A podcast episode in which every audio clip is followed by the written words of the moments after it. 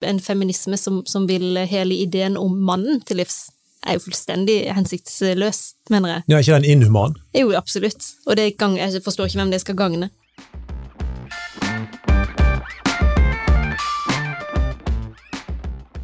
Jeg husker første gangen jeg mønstra på kystvaktskip. Jeg skulle følge med 337-skvadronen på tokt på KV Svalbard, og så sier skipssjefen til meg at eh, det var veldig, veldig bra du kom. Ja, det hjelper veldig å ha en dame om bord her. Det er da de begynner å dusje.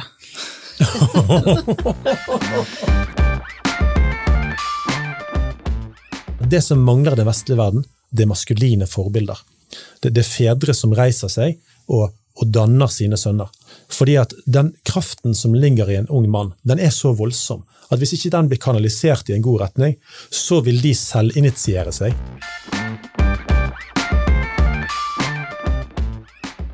Jeg hadde jo en god del soldater som hadde vokst opp uten far, og som eh, idet de kommer inn i Forsvaret og får masse eh, tydelige menn og tydelige rammer rundt seg og tydelige ordrer og beskjeder, så begynner de å virkelig blomstre.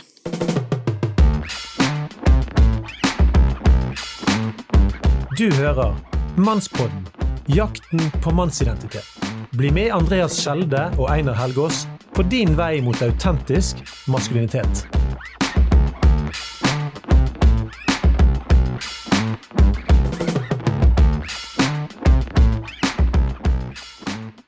Velkommen til Mannsbåten, jakten på mannsidentitet. Jeg er programleder Andreas Skjelde, og som vanlig så har jeg Einar ved min side, eller du sitter vel ovenfor bordet i dag? Det gjør jeg absolutt.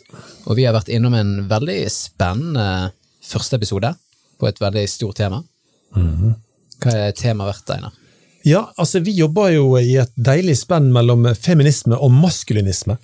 Og Vi har jo en, en, en prest eh, fra Nord-Norge som har lagd et nytt begrep, nemlig mannesakskvinne. og Hun sitter her eh, og ler av seg sjøl og mener at kanskje hun er den eneste Eh, i Norge.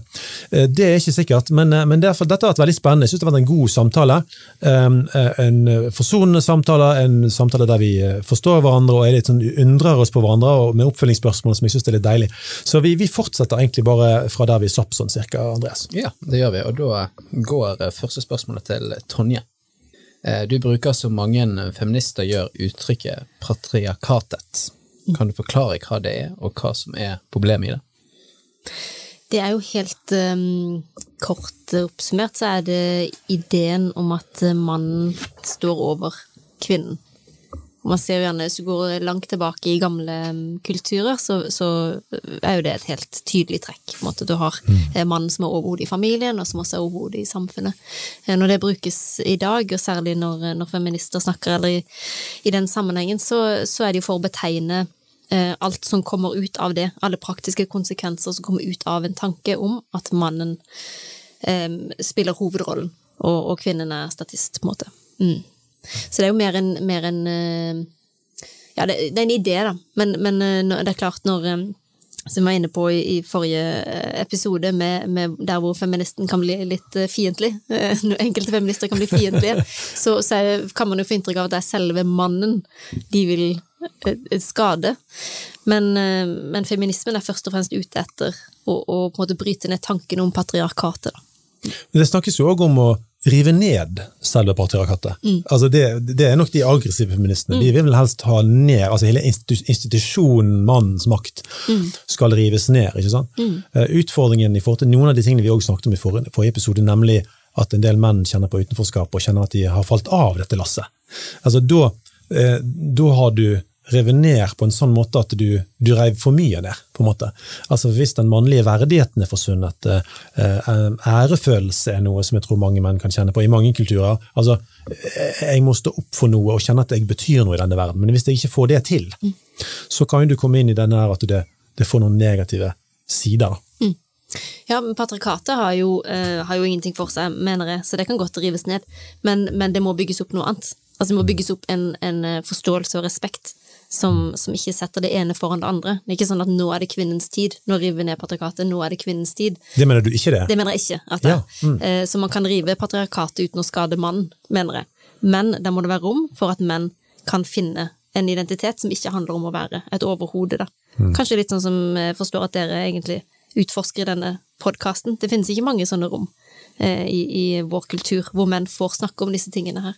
Um, men, eh, men, eh, veldig viktig, tror jeg, at man gjør det. Fordi, fordi feminist, altså en feminisme som, som vil hele ideen om mannen til livs, er jo fullstendig hensiktsløs, mener jeg. Ja, ikke den inhuman? Jo, absolutt. Og gang, jeg forstår ikke hvem det skal gagne.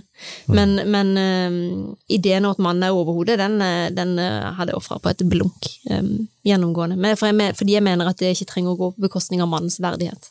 Mm. Men det kan gjøre det. Og i, i enkelte debatter gjør det jo helt klart det. Ja, vi, da, vi, eksempler? Nei, det er jo gjerne litt aggressive, aggressive feminister, da. Hvor ja. alt Hvor, hvor um, hvor alle menn tas med eh, i skylda for alt som ikke fungerer bra for kvinner. Og da er det klart, da kan jo menn enten komme i en sånn 'nå skal jeg tie helt stille'-rolle, eller i en forsvarsposisjon mm. Eh, hvor man argumenterer. Og det er ikke så interessant, syns jeg. da. Mm. Kamp mellom menn og kvinner syns jeg ikke er interessant i det hele tatt. Det er jo, det er jo tankesettene her som vi må, som vi må eh, forandre, ikke kjønnene. Ja. Du store min, det var så fint sagt, det du sa der. Mm. Tenk at kamp altså, For det er jo litt det jeg tenker. altså, Hva skal vi med kjønns Altså, og, da, og, da, mener jeg ikke altså Denne likestillingskampen er jo, er jo valid, ikke sant? Mm. men med en gang det blir kjønnskamp, mm. der vi slåss nærmest mot hverandre som om vi var to fiendtlige makter, altså det kan jo bare gå dårlig. Mm. Men jeg har et litt morsomt eksempel. Eh, fordi at partiet Venstre eh, hadde jo Trine Skei Grande som leder i mange år, og jeg skal ikke gå inn på alle tumultene rundt det, men hun endte i hvert fall opp med å finne ut at hun skulle gå, eh, og overlate dette til en ny leder. Og her har du Abid Raja, som selvfølgelig står og tripper og er klar for å gå inn. Og Sveinung Rotevatn kommer opp, og han var den første som sa at han trodde det, faktisk det var best for Venstre at han ble leder. Jeg tenkte wow, det var et stilig move. Så har du Melby. Hva var fornavnet til Melby?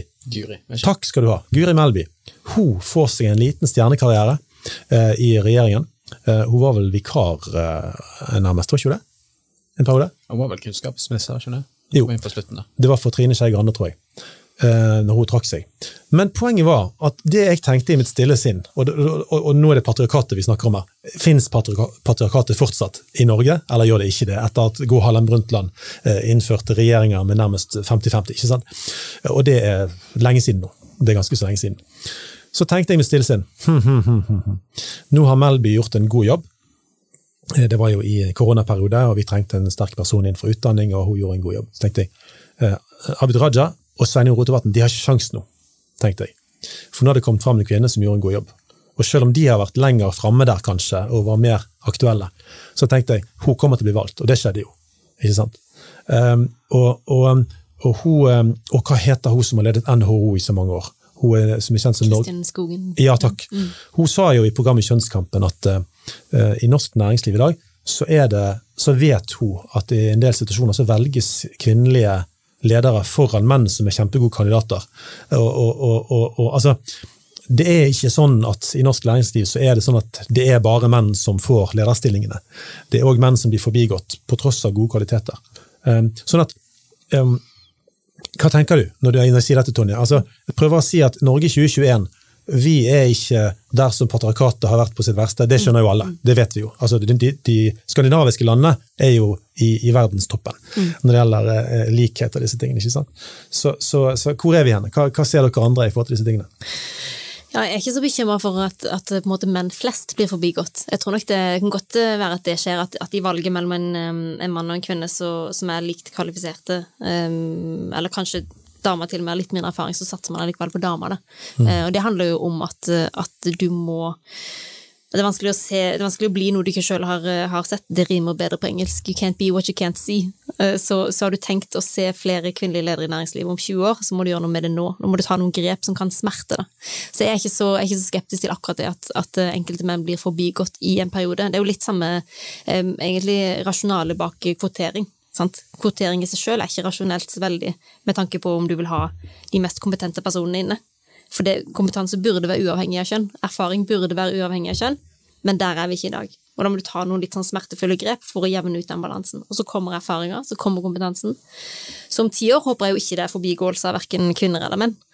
Men, eh, men, og dette er kanskje provoserende, men jeg kan leve med at det er litt forbigåelse av menn i en periode, for det er fremdeles sånn at de aller fleste eh, ledere i næringslivet er menn. Og, og mange styrer som ennå sliter med å få 40 kvinner inn i i styret sitt. Så, um, jeg tror man må ta noen smertefulle grep for å komme på et annet sted uh, i, en, i, en, periode. Men, uh, men, at det skal bli en favorisering den ene eller den andre veien, det håper jeg at, jo, at vi kan unngå i alle sfærer av både samfunns- og, og næringslivet.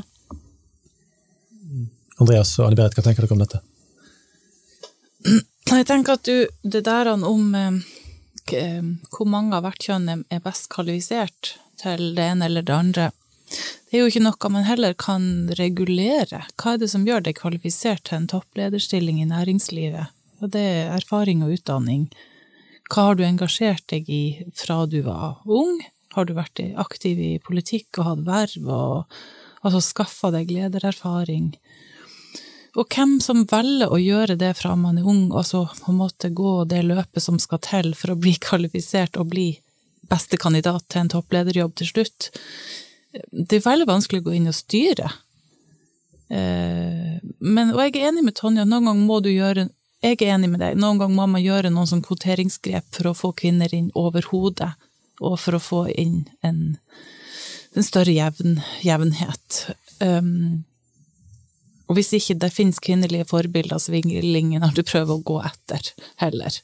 Det oppleves jo som en stengt dør.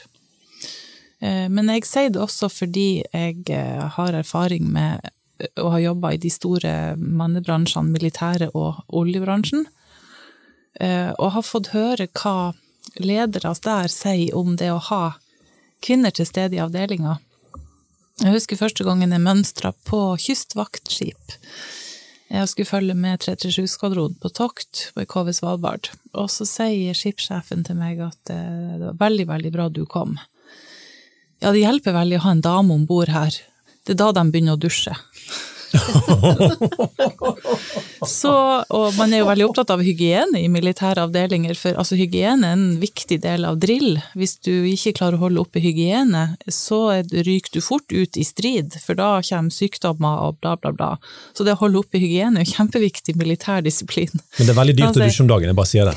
ja, veldig dyrt å dusje akkurat nå. Men um, det gjør noe med Eh, en avdeling med menn om så det kommer bare én dame. Det samme sa de eh, plattformsjefer og ledere offshore. Det forandrer hele miljøet bare du får inn ei dame, og til det, alltid til det bedre. Akkurat som du får fram noe i menn som at de skjerper seg lite grann, eh, og at miljøet får en liten endring med at de Altså, ja, menn skjerper seg litt, og de, de verste sidene det legger de en demper på.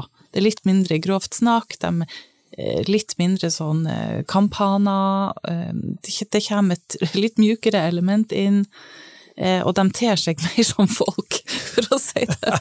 ja. Ehm, ja, så alt, alt jeg har fått av tilbakemeldinger der jeg har vært, så har det vært sånn at det er et pluss at du er her, og det er et pluss hver gang det kommer en dame. Og alle avdelingene blir bedre med bare det er, ei dame, så forandrer det alt. Men altså, de vil jo gjerne også ha opp kvinneandelen. Eh, ja, så det tenker jeg er eh, Erfaring tilsier at kvinners tilstedeværelse i alle deler av arbeidslivet, det er så positivt Mm. At vi må heie på det. Mm. Få kvinner inn der det er flest menn, men også motsatt. Få flere menn inn der det er for få av de. Og noen ganger må man jo gjøre noen grep for å få det til. Mm. Regulere og kvotere den ene og den andre veien. Og så tenker jeg at eh, jeg satt akkurat i dag og så på den her kjønnskampen som eh, den produksjonen fra Brennpunkt, dokumentar på NRK, Eh, og der trekker de jo fram dette at eh, nå er det 120 studiesteder i Norge der eh, jenter får ekstrapoeng. Mm. For å kvotere inn jenter. Og det er sju plasser der gutter får poeng. Og dette skjer mens 60% av studentene er kvinner. Så er det fortsatt 120 plasser med ekstra poeng for jenter, men bare sju med poeng for gutter. Og da er vi havna i um, Da er det ikke kvinnekvotering vi trenger lenger. Nei. Det er mannekvotering, og det må inn nå. Ja, Vi hadde jo en uh, ung kvinne her i episode nummer to uh, som uh, mente at all denne kvoteringen måtte ut, egentlig nesten. Altså, At vi kom der at det ikke trengs lenger. Selvfølgelig når det er 75 psykologer kvinner, og så har, som jeg har forstått, så har de på psykologi de har prøvd i flere år å få lov til å kvotere inn menn. Men det har, vært skikkelig seigt. da. Det har vært vanskelig, De har ikke fått noe gehør raskt på det. altså Det, det, blir, det blir, som en kamp da, for å begynne å kvotere inn menn. Sånn at, og, og Du så jo hun i det samme programmet, hun Helleland, eh, som, som sto på Stortingets talerstol og fortalte at nå var det over 60% kvinner i høyere utdanning. Men vi er ikke ferdige ennå.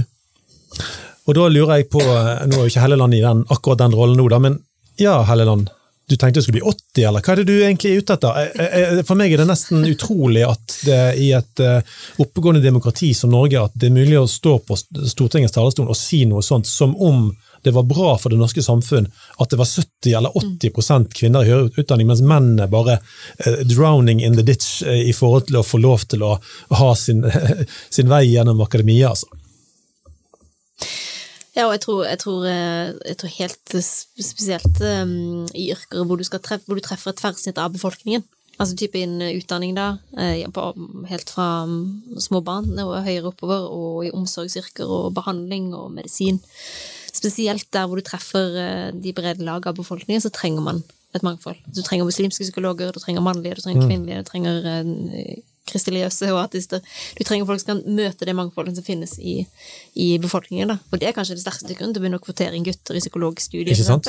At du skal, du skal, treffe en befolkning som består av stort sett 50 fordeling mellom mm. mann og kvinne. Ja. Så man må, noen, man må, klare å ha litt flere perspektiver i hodet på en gang da, når man snakker om de tingene. Vi håper jo at politikere hører mannsbåten i forhold til det vi snakker om nå. Jeg hadde jo en annen eh, erfaring òg med meg, både fra militæret og, og, og olja. Det var det at eh, det var en veldig sånn generell positiv holdning til å ha damer i avdelinga. Fra altså både ledere og kollegaer. Generell, en generell positiv holdning til at det, kvinner jobber her. Men også en veldig tydelig Men de må ikke bli i flertall. Og så eh, har jeg lurt på hvorfor det. Hva ville vært så ille hvis det ble flest kvinnelige militære og flest kvinnelige offshorearbeidere? Og det har jeg skjønt at det, det, det er et eller annet med identitet og maskulinitet som går på at dette her er litt tøft yrke. Um, vi gjør ting som er fysisk vanskelig, vi tåler all slags vær, orkan, helikopterturer, våpen, bla, bla, bla. Ting man forbinder med å identifisere seg med som en del av 'dette gjør, kan jeg fordi jeg er mann'. Men hvis kvinnene blir i flertall, da er ikke dette lenger et manneyrke. Og når, hvis ikke det lenger er det, altså da blir det jo et kvinneyrke, og hvem er jeg da? og da må jeg bare si, hvis russerne kommer, jeg bare sier det. Ja, hvis russerne kommer. Og, og gutta du har forlatt, uh, forlatt basen fordi ja. det er for mange kvinner. Hva skjer med Norge da? jeg bare prøvde. Ja, hva tror du, sant? Ja. Nei, altså eh, hvis det blir et basketak av fysisk art, så har jo da en gutt på 18 år 50 mm. mer muskelmasse i overkroppen enn en, en kvinner. Så, så, jeg håper ikke det blir et fysisk basketak. Droner nå, vet du. Droner og etterretning. Ja. ja, nei, dette er, den, er, den er ikke enkel å, å, gå til bunns i her og nå. Men, jeg, men, men problemet det... er at jeg tror at du altså, Det du kan si, er at å ja, men de gutta må jo ikke tenke sånn. Kan vi si da. Ja. De kan være liksom bedrevitende. Hallo, for en merkelig tankegang. Det må jo være helt greit at det er flere kvinner. Problemet er at hvis denne maskuline stoltheten er reell, at det er ikke noe som man bare, bare skjedde på en litt teit måte, men at den er helt reell, da. at de har ikke lyst til å være der hvis det er 70% kvinner i militæret, så, så, så, er det kanskje noe vi må forholde oss til på en eller annen måte. Ja, men, ja, men skal Altså, det orker jeg ikke. Skjørt mannlig ego. Det orker jeg ikke. Altså, hvis jeg skal trippe rundt en mann for at ikke han skal bli usikker og Skjønner du? Det klarer jeg ikke å forholde meg til. Jeg, for, jeg, forstår, jeg forstår deres stolthet, jeg forstår at det er et reelt problem, men jeg forstår ikke at vi skal ta hensyn til det. For da må man jo heller finne Da får man finne andre utløp da, for den mannlige eh, identiteten. Ja, det, det vil de jo da eventuelt gjøre. Hvis de forlater, hvis de forlater er basen, så, så vil de jo finne andre Andre utløp for det. Ja, det vil de nok gjøre. Og finne noe meningsfylt å, Men å spørsmålet gjøre. var om det var bra for militæret. Ja, akkurat for militæret. Om det var bra for det norske militæret at Nei, men De har gutter et mål forlater. om de, de vil jo ha balanse, så de vil jo ikke heller gå med på at, eh, at eh, du får 70 damer. Ville de det? Skulle det ikke? I, eh, Forsvaret? Tror de har gått med på hvis det kom en sånn surge av, eh, av damer inn, at eh, de tok over Forsvaret? det er ikke godt å si. Nei. Det er Jeg tror ikke godt de hadde godt det. Men um, jeg tenker jo at, det eh, at når det nå en gang er sånn at der finnes, ikke blant alle selvfølgelig, men blant, eh, jeg vil, jeg vil si av min erfaring, som jo ikke er forskning, det er bare observasjon og erfaring, eh, at en ganske stor del av eh, mannfolkene i de store manne, jeg kaller dem mannebransjene da, eh, har en viss sånn opplevelse av at det at jeg jobber her er knyttet til jeg er mann, og dette er skikkelig mandig, men hvis damene kommer og tar over, da truer det min maskulinitet. Mm. Jeg vil ikke jobbe på en kvinnearbeidsplass. Disse karene her hadde aldri i livet søkt seg til barnehage, skole, helsevesen. Altså, det er noe med eh, Jeg er her, det er her jeg passer inn med gutta. Ja, og jeg, tvi- tviler ikke på at det, Og at jeg det stemmer. tenker at uh, det er noe skjørt. Det kan være, men så lenge det er noe sant, Mm. så er det det at det er sant man må forholde seg til Mm. først. Og jeg tror det er sant. Jeg tror du er- du har helt sikkert rett i det. Ja. Men jeg Men har jeg- også oppdaga at jeg, som kvinne så har jo jeg et veldig stort Jeg har et enormt stort handlingsrom for å kunne gjøre hva jeg vil, uten at det koster meg i min femininitet. Altså, når jeg har skutt med maskinvåpen, jeg er ikke noe mindre dame. Jeg er bare ei kul dame. Og når jeg har ja, flydd med helikopter og vært på uh, tokt med kystvakta der og gjort alle mulige sånn manneting, eh, som er litt barskt, og tø er ute på vinterøvelse og, og bor i telt og bla, bla, bla. Er bare, jeg er bare ei barsk eh, jente, men er ikke noe mindre dame av den grunn. Mens jeg har oppdaga at mange menn har en mye mindre sånn eh, handlingsrom for å gjøre det de forbinder med å være feminin.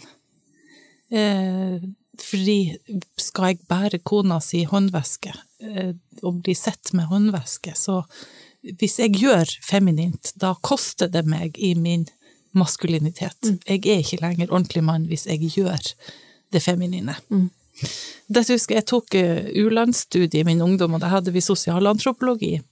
Og der sa de, husker de forklarte oss eh, forskjellen på biologisk og sosialt definert kjønn.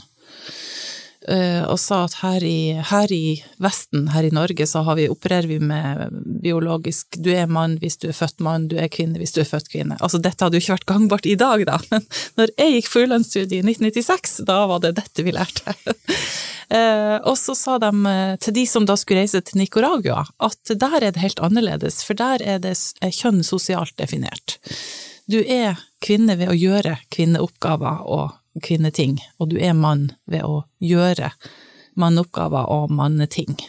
Og da sa de at en del av liksom den latinske kulturen, det er at som mann så skal du jakte på damer. Eh, Nonstop. Den dagen du slutter å jakte på damer, da er du, da er du ikke mann lenger. For det, da faller du utenfor definisjonen av kategorien mann. Altså det vil si at homofile var jo utafor. De var jo ikke i kategorien mann.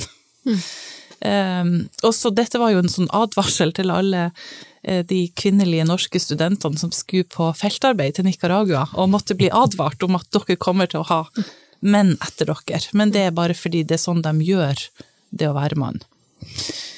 Og jeg slo, husker at jeg slo meg så veldig til ro med det svaret, at eh, ja, sånn er det. Og, og det var min opplevelse, at i Norge, kjønn det er biologisk, jeg er født kvinne, jeg kan gjøre hva jeg vil.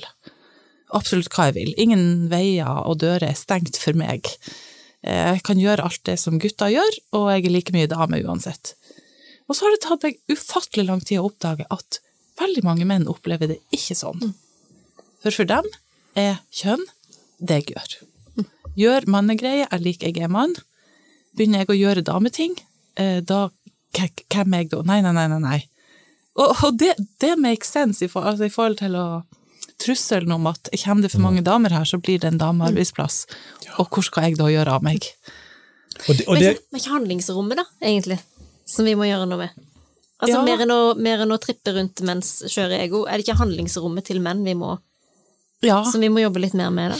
og jeg, men jeg tror ikke det er fort gjort. Nei. Nei, altså, det er rett. Jeg tror vi snakker om big stuff her, da. Og jeg, jeg er igjen tilbake til at jeg tror det ligger biologiske mekanismer i bunnen for det vi nå snakker om som er oppå. Ikke sant? Det, det som er det, den sosiale biten. Altså David Murrow i boken Why Men Hate Going to Church snakker om maskulinitetsbanken.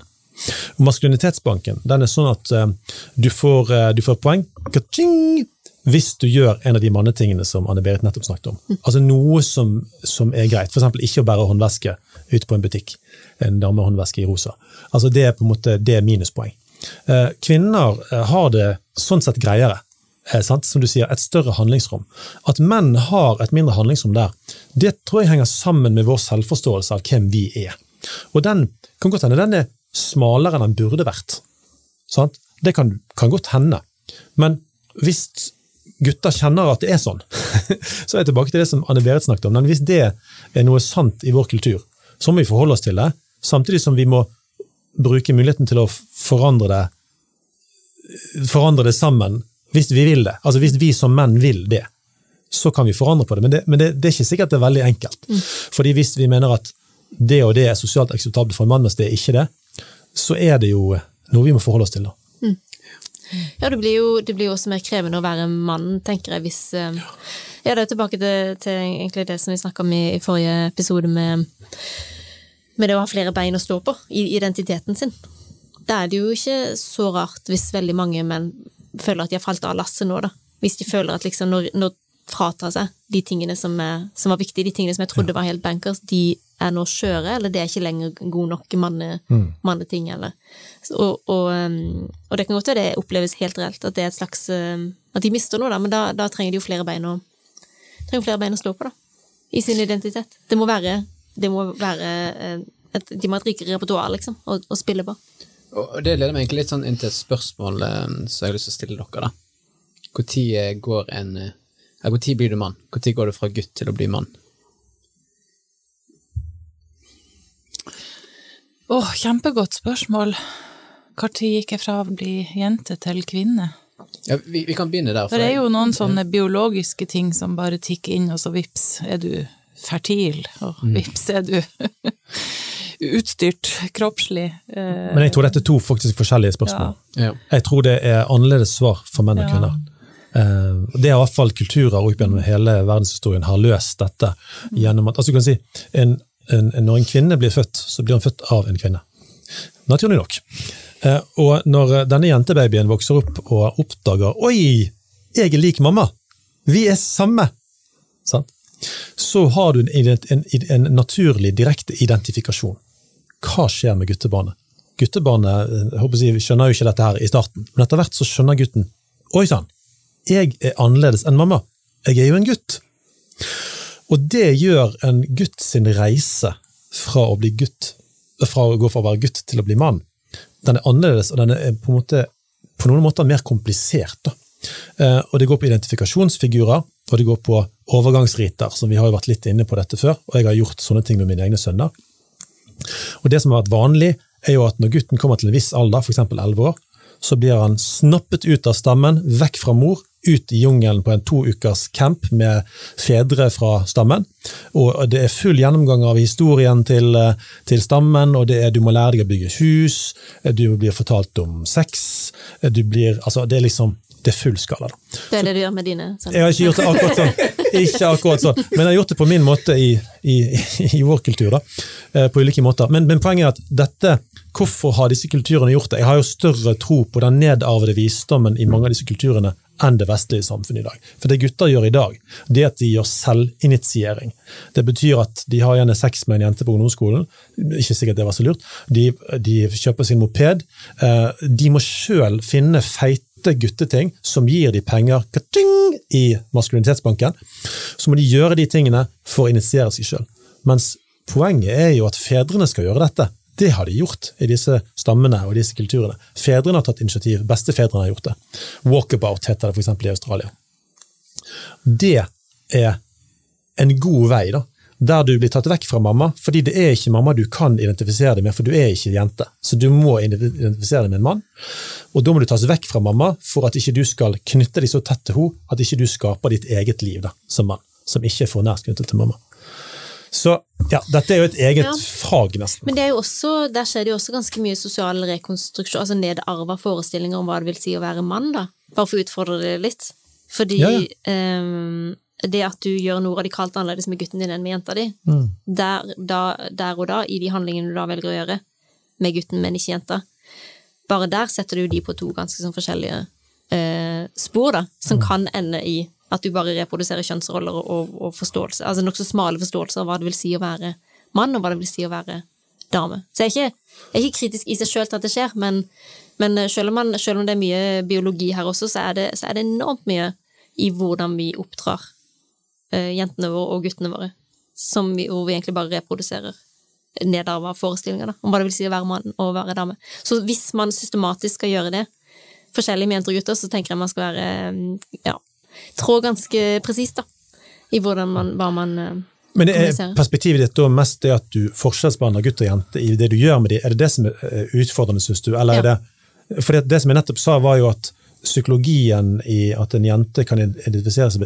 identifisere seg direkte med mamma, men det kan ikke gutten. Nei, men han det har jo far, ofte. Ja, ja. ja Altfor få har jo det i dag, men Mm. det har han jo ofte. Eh, Og, og, og farens jobb er jo blant annet å skille gutten fra mor, sånn at gutten kan finne seg sjøl. Og så kan han komme tilbake igjen til en kvinne, når han blir voksen nok til å finne en kvinne, og har noe å komme med til denne kvinnen som ikke er likt det mor er. ikke sant? Ja, men jeg, tror, jeg vet ikke om jeg tror på at eh, man trenger å Nei, jeg vet ikke om jeg kjøper det at far må skille gutten fra mor. Jeg tror nok at det har vært en forestilling i, i tradisjonelle kulturer, men at det er fars oppgave i dag, det ser jeg nok ikke helt. Jeg deler nok ikke den oppfatninga der. Ja. For det tror jeg nok går mer eller mindre av seg sjøl. Altså, det er helt naturlig så vil han orientere seg mot mannlige forbilder. Så at du må gjøre noe, at du må gjøre en eh, intervensjon for å oppnå det, det Men husk at vi er i en verden der dette med, med, med kjønn og identifikasjon er blitt ganske flytende. For det første har vi en ekstremt flytende kjønnsforståelse som vi har jobbet med her i Mannspodden. Eh, og altså Forvirringen i forhold til identitet er jo, er, jo, er jo ganske voldsom på det verste. Og i det landskapet så tenker jeg eh, som far å tydelig veilede sønnen eh, fra å være gutt til å bli en moden mann. Da. Og det, det handler ikke bare om klassiske maskuline ting. Da. Det handler jo om ydmykhet, det handler om ansvar. Det handler om å, å stå opp for noe, det handler om mot og kraft og forskjellige ting. ikke sant? Og det kan da far, gjerne sammen med andre fedre, gjøre. Jeg har gjort dette sjøl i Ridderklubben, blant annet, med fedre fra min, fra min sammenheng, min menighet. Eh, og, og resultatene av det kan jeg gjerne fortelle om. Eh, men det vi ønsker, det er, jo, det er jo unge menn som vet hvem de er. For unge menn som vet hvem de er som mann, de har noe å komme med i et forhold til en kvinne. Mens hvis de har eh, gått for tett på det feminine og ikke funnet seg sjøl som mann, for de er jo ikke kvinner. Altså, En ung mann skal aldri bli en kvinne. Å finne seg sjøl som mann, det tror jeg er, er helt sentralt. da. Ja, men uh, la oss eh, se det på det fra døtrenes perspektiv, da. Mm. Hva, uh, der bare går det som det går, eller? Nei, Får de noe altså- tilsvarende, nei, altså, eller? Og hva lærer de i tilfelle? Ja, altså um, um, jeg, jeg har en rolle overfor mine døtre som er helt, eh, helt essensiell, og den skal jeg fylle. Um, og min kone har jo en rolle overfor våre døtre som er helt unik, der hun gjør, gjør sin greie da, som mor med døtre, og jeg gjør mine ting med, med mine døtre. Og noe, noe av det er det samme. For eksempel har jeg vært på pappatur, sånn telttur med alle barna mine i hele oppveksten hvert år, altså fire barn per år.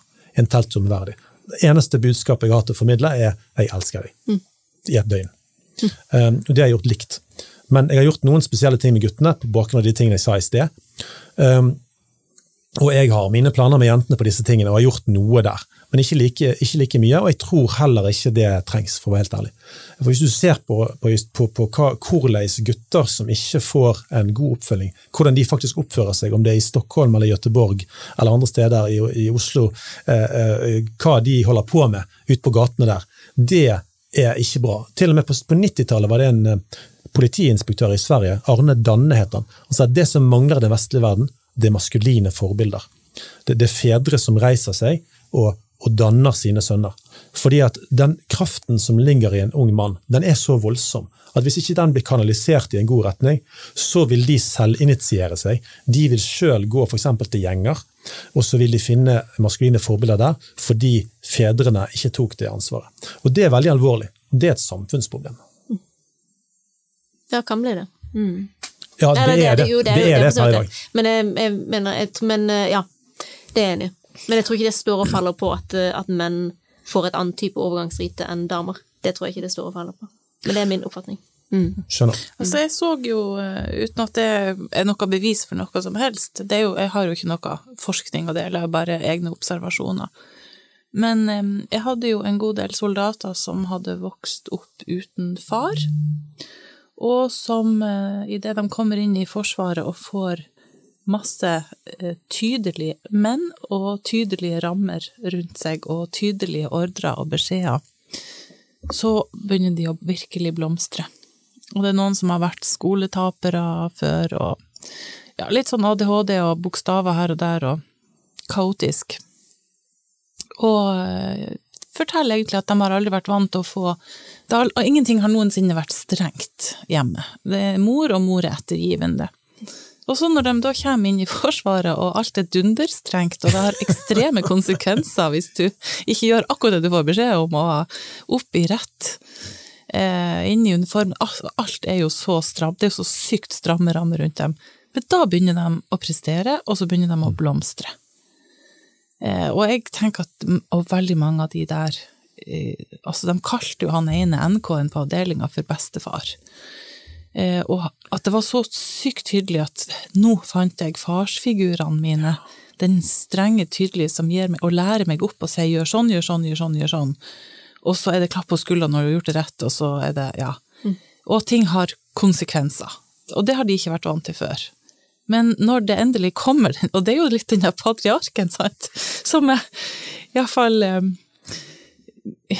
ja, man vil, ikke, man vil ikke ha den, men så har jeg sett at men den duger jo til noen ting. Det er noen som blomstrer når patriarken kommer og liksom holder dem i, holder dem i nakkeskinnet. Og så, og så vokser det fram noe. En livsmestring, en trivsel, altså som å falle på plass i seg sjøl.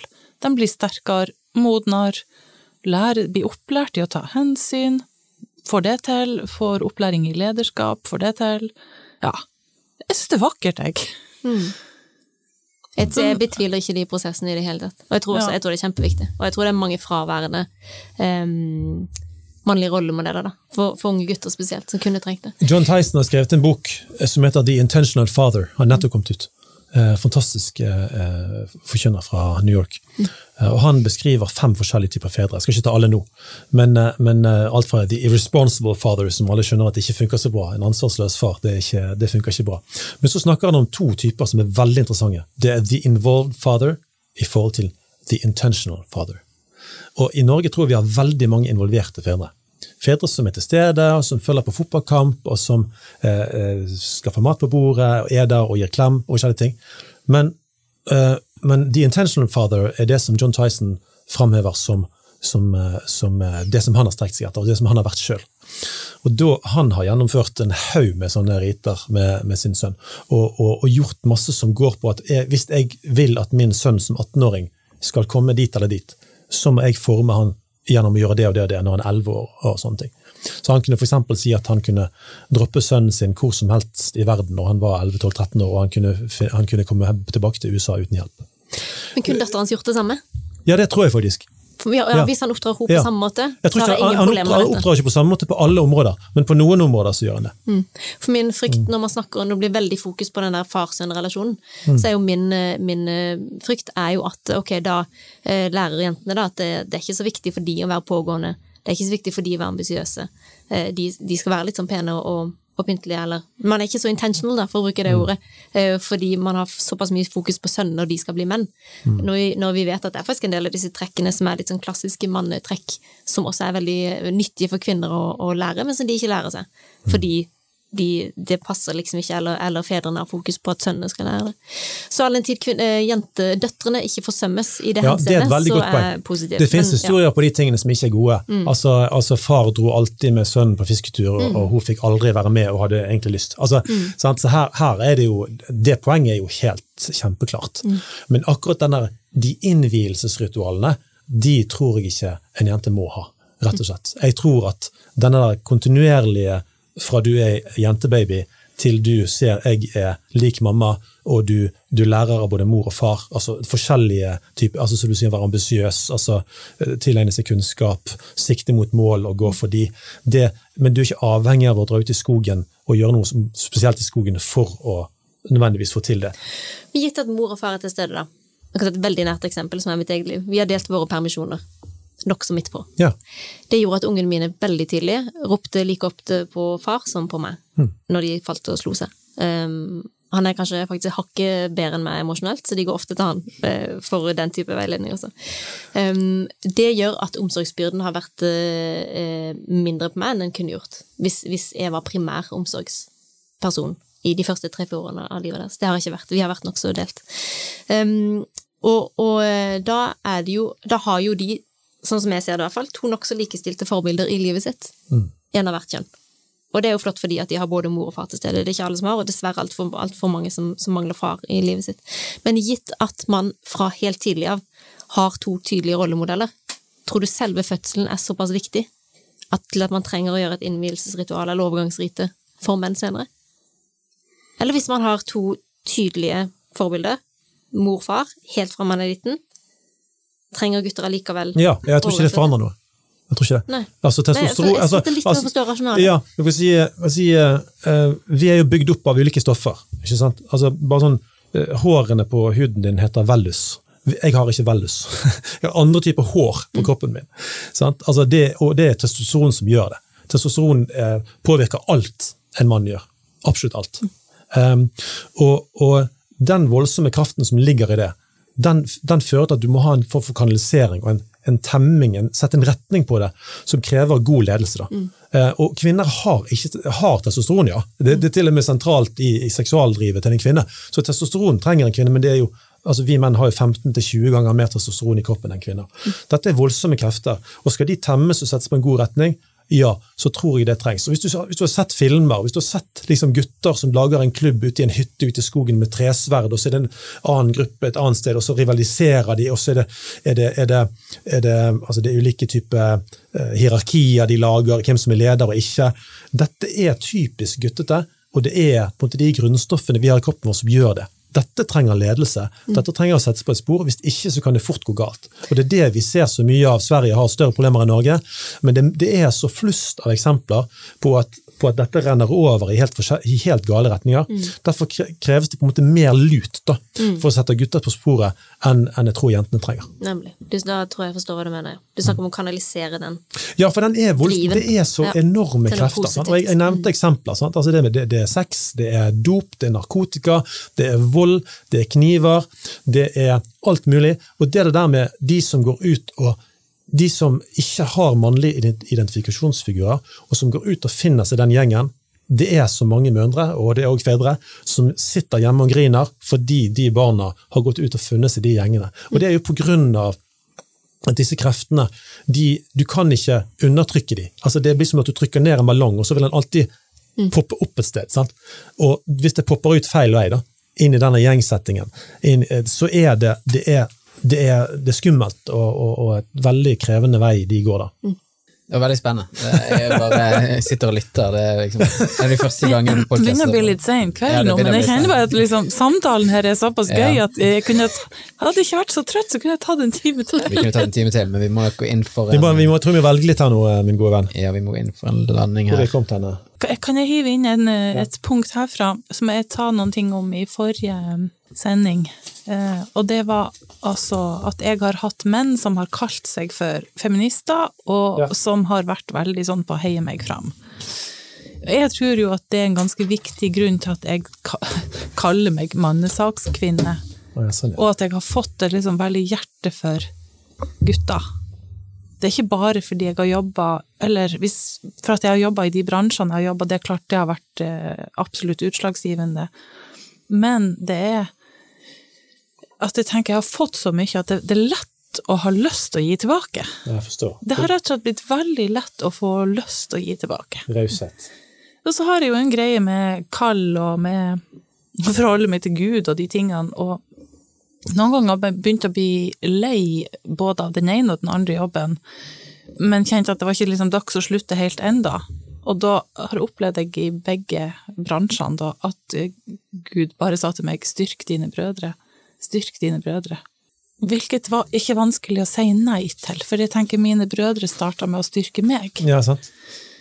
Eh, og jeg vet at jeg har vært med på å bekrefte mange menn, fortelle dem at de er gode nok, fortelle dem at de holder mål, eh, trøste, løfte, være en god søster. Ut fra de responsene jeg har fått. Nå, altså, når jeg var i militæret, så var jo de gutta så unge at mange av dem kalte meg også for mamma. Ja, det er ikke overraskende. Ja, jeg var 33, så, og de var 18. Men eh, jeg tenker jo sant at hvis du vil ha det beste ut av eh, gutta Hvis vi jenter vil ha det beste ut av gutta, så skal vi heie på dem. Mm. Eh, styrke våre brødre, rett og slett. Hvis de vil ha Hvis de vil at det skal være godt å være mann sammen med oss, så skal de gi, gi oss det. Heie på oss og løfte oss fram, og ikke være redd for å slippe oss til og la oss gå i tet. Eh, og det tenker det, da får vi gullet fram, begge veier. Ja. Ja, for det, det er jammen meg få ting som har vært så barmhjertig for meg som å møte en mann som kaller seg feminist.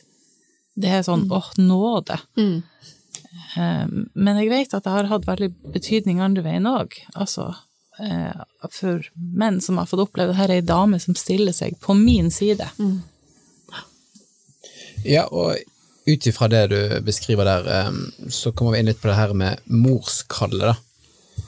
Som kanskje er et litt sånn betent tema i dagens eh, likestillingskamp, eller likestillings... eller skjønnet mot hverandre. Hva tenker dere om det her eh, morskallet?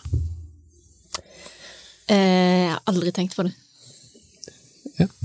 Men eh, hva legger du i det? Eh, Som et individuelt kall, eller som et Nei, så poenget er at eh, altså Når vi snakker om likestilling, sant, Ja. så går det jo på at altså Er man veldig streng, så skal alt være helt kliss likt for menn og kvinner. Sant? Du skal være likt representert i alle yrker, vi skal ha lik lønn, vi skal ha lik eh, eh, det, sånn livstidsinntekt, eh, du skal ha likt med pensjonspoeng. Altså, hvis man blir veldig streng, så, så jogger man rundt overalt og sier at det skal være likt. Men hvis en mor velger å være hjemme noen år med ungene, og far er ute i jobb, så vil jo han ende opp med flere Ja, sånn, ja. pensjonspoeng enn mor. Og da vil det at hun fulgte det som kan kalles et, nå bruker jeg hermetegn her, et morskall, mm. det fikk konsekvenser for noe som gikk i minus på likestillingsfronten. Og da er jo er du inne i en slags verdivurdering. Var det å være hjemme med barna, altså la oss si du får tre barn, og så er du hjemme tre år, og så får du tre år færre pensjonspoeng. Altså, var det en viktigere verdi enn den økonomien du kunne fått som pensjonist med liksom 250 kroner mer i måneden? Det var så kristelige ord, så jeg kom på et litt annet spor. Derfor så så jeg måtte Nei, jeg, vi snakker veldig allment her, Men det eh, var for å si det sånn. mulig, ja, nemlig. Mer, mer et morsvalg, kanskje, enn et, mer et ja, eller prioritering. Ja, jeg, jeg syns det er ikke noen renskårne eh, sånn feministsvar på akkurat det. Du, for det du kan, kan argumentere for begge, begge deler. At dette med å eh, ha mulighet til å gå tilbake til arbeidslivet etter bare noen måneder, eh, at det er en, har muligheten til det, er, er på en side bra for damers stilling i arbeidslivet. At de står ikke En 30 år gammel dame da, som søker en jobb, og like kvalifisert som en 30 år gammel mann, står ikke i fare for å bli valgt vekk fordi lederen skjønner at her kan det komme to-tre permisjoner på ett år hver. Eh, Og det er ikke det Det blir vanskelig for oss. Der er vi på et bra sted som samfunn, det er det du sier. sant? Ja, Sant? den, den likestillinga der. Samtidig så tenker jeg at damer skal slippe å forsvare og, ta et, og, og faktisk velge å være hjemme, da. For det er nesten litt sånn politisk ukorrekt å skulle, å skulle gjøre det, da. Og det at du tar på ha- altså Det er en nokså enkel strukturell betingelse man kunne endre hvis det var politisk vilje til det. Kunne man sagt du skal ikke tape økonomisk på å velge å være hjemme med barna hvis du tenker at det er, at det er riktig. Så det er to sider, da. Fordi strukturer skaper um, jo også holdninger, på en måte. Og, og Og selvfølgelig kan man eh, si at liksom eh, Og feminismen vil alltid stille spørsmålet eh, ved det individuelle valget, og si ok, men hvor fritt er det? Og du sa du stilte vel et spørsmål i forrige episode, hvor fritt er egentlig hvilket som helst valg? Ikke sant? Sant? Så eh, selvfølgelig kan lov å være til hjelp, um, men, men jeg mener at strukturene må være på plass for at man kan reelt sett velge det som er riktig for en. Jeg tenker jo at det å velge å bruke tida si på, å, på omsorg for den neste generasjonen, det burde det burde jo være det viktigste vi driver med, og det bør ses på som det viktigste av det aller, aller viktigste. Hvis ikke vi tar den jobben og gjør den godt, så, så vil det jo før eller siden gå på dunken med samfunnet som helhet. Så er det noe man virkelig burde få pensjonspoeng for, så var det jo å være hjemme med barn. Eh, At man som samfunn ser på det som en, en jobb på linje med alle andre jobber.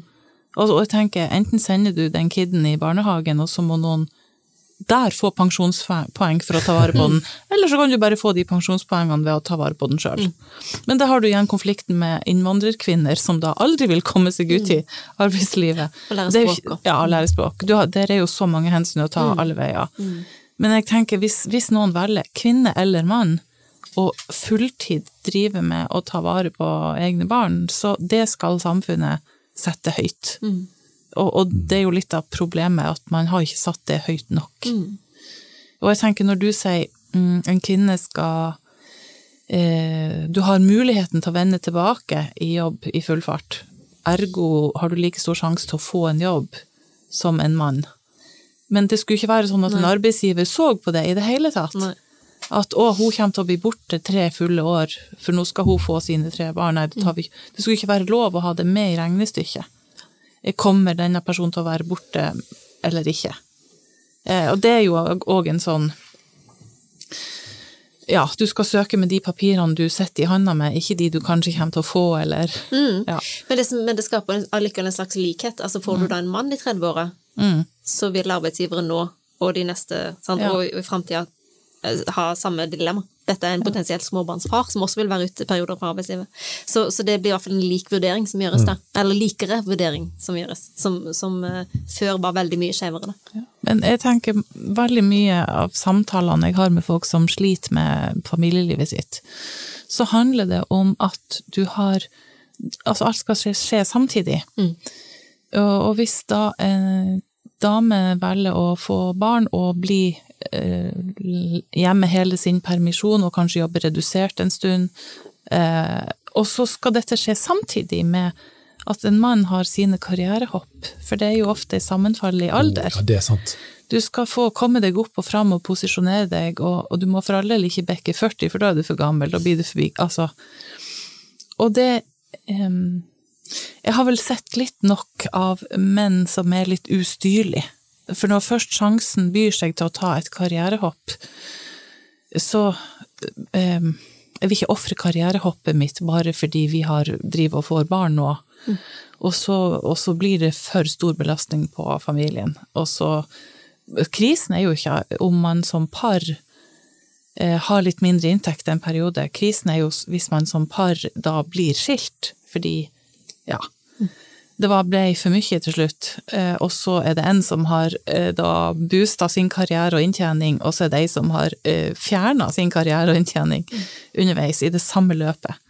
Så jeg savner nok litt sånn offervilje fra menn som blir far, der de sier at ok, min karriere er på vent nå, til barna er ferdig med barnehagetida si, eller et eller annet. Og, og det mangler litt. Kvinner det er sånn som du sa i forrige episode, de scorer mer på empati, ofrer meg for familien, og gjør, jeg gjør det familien trenger.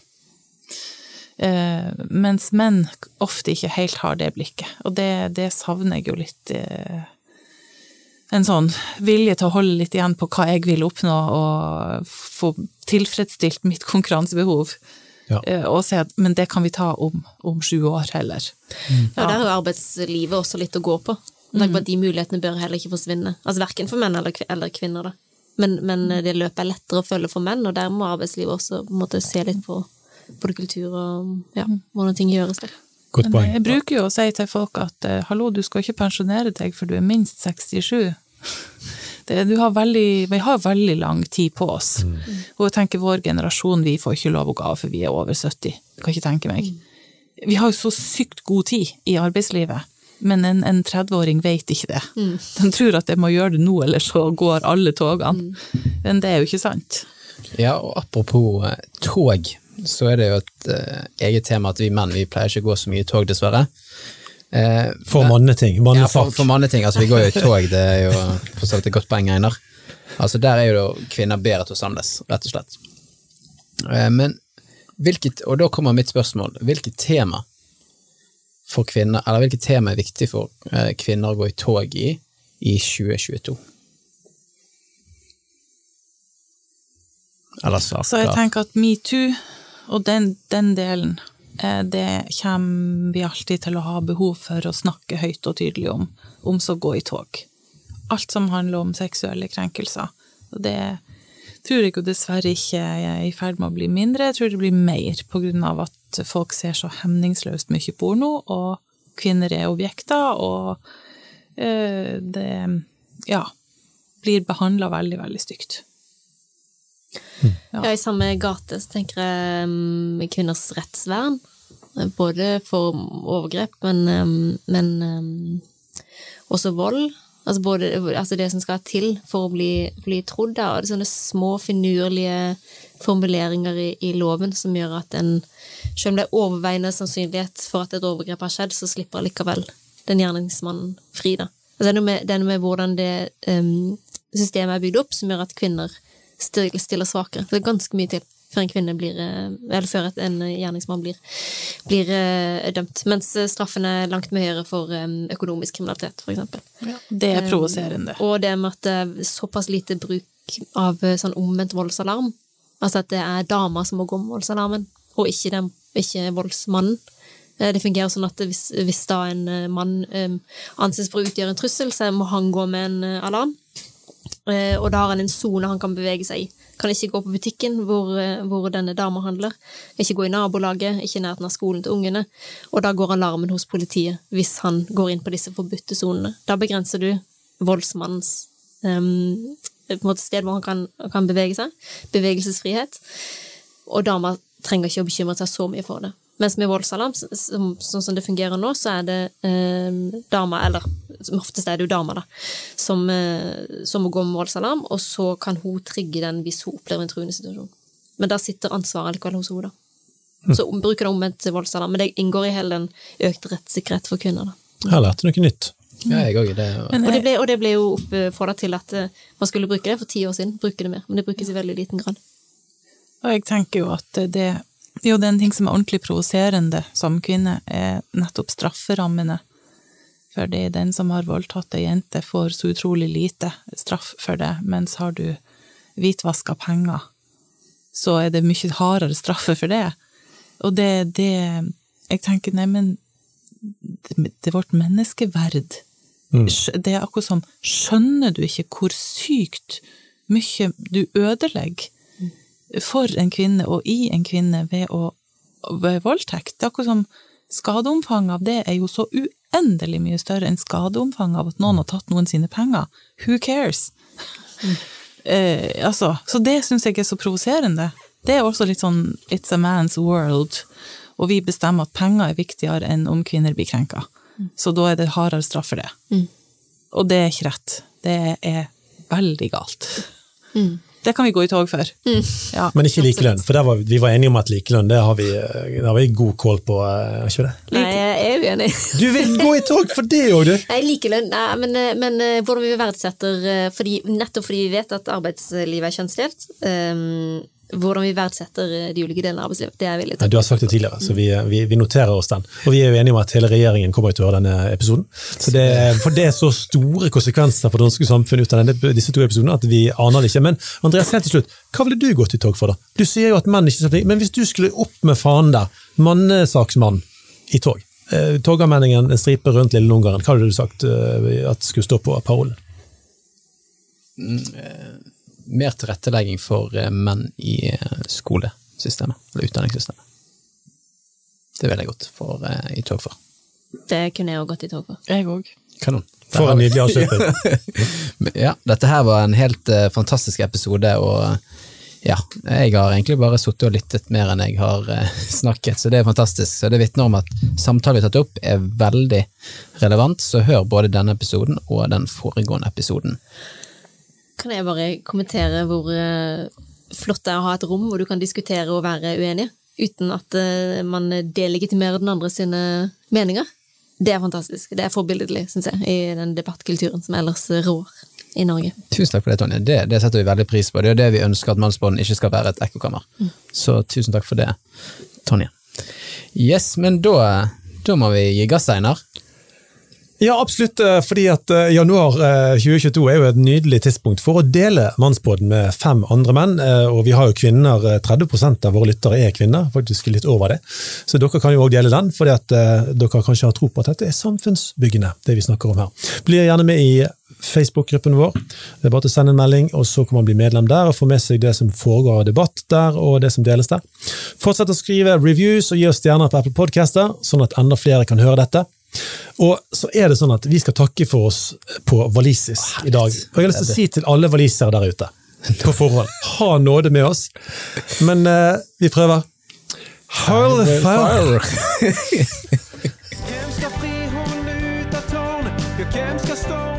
Mens du venter på neste episode, del gjerne mannsbåden med fem andre menn, så de kan koble seg på jakten på mannsidentitet i en kjønnsnøytral tid.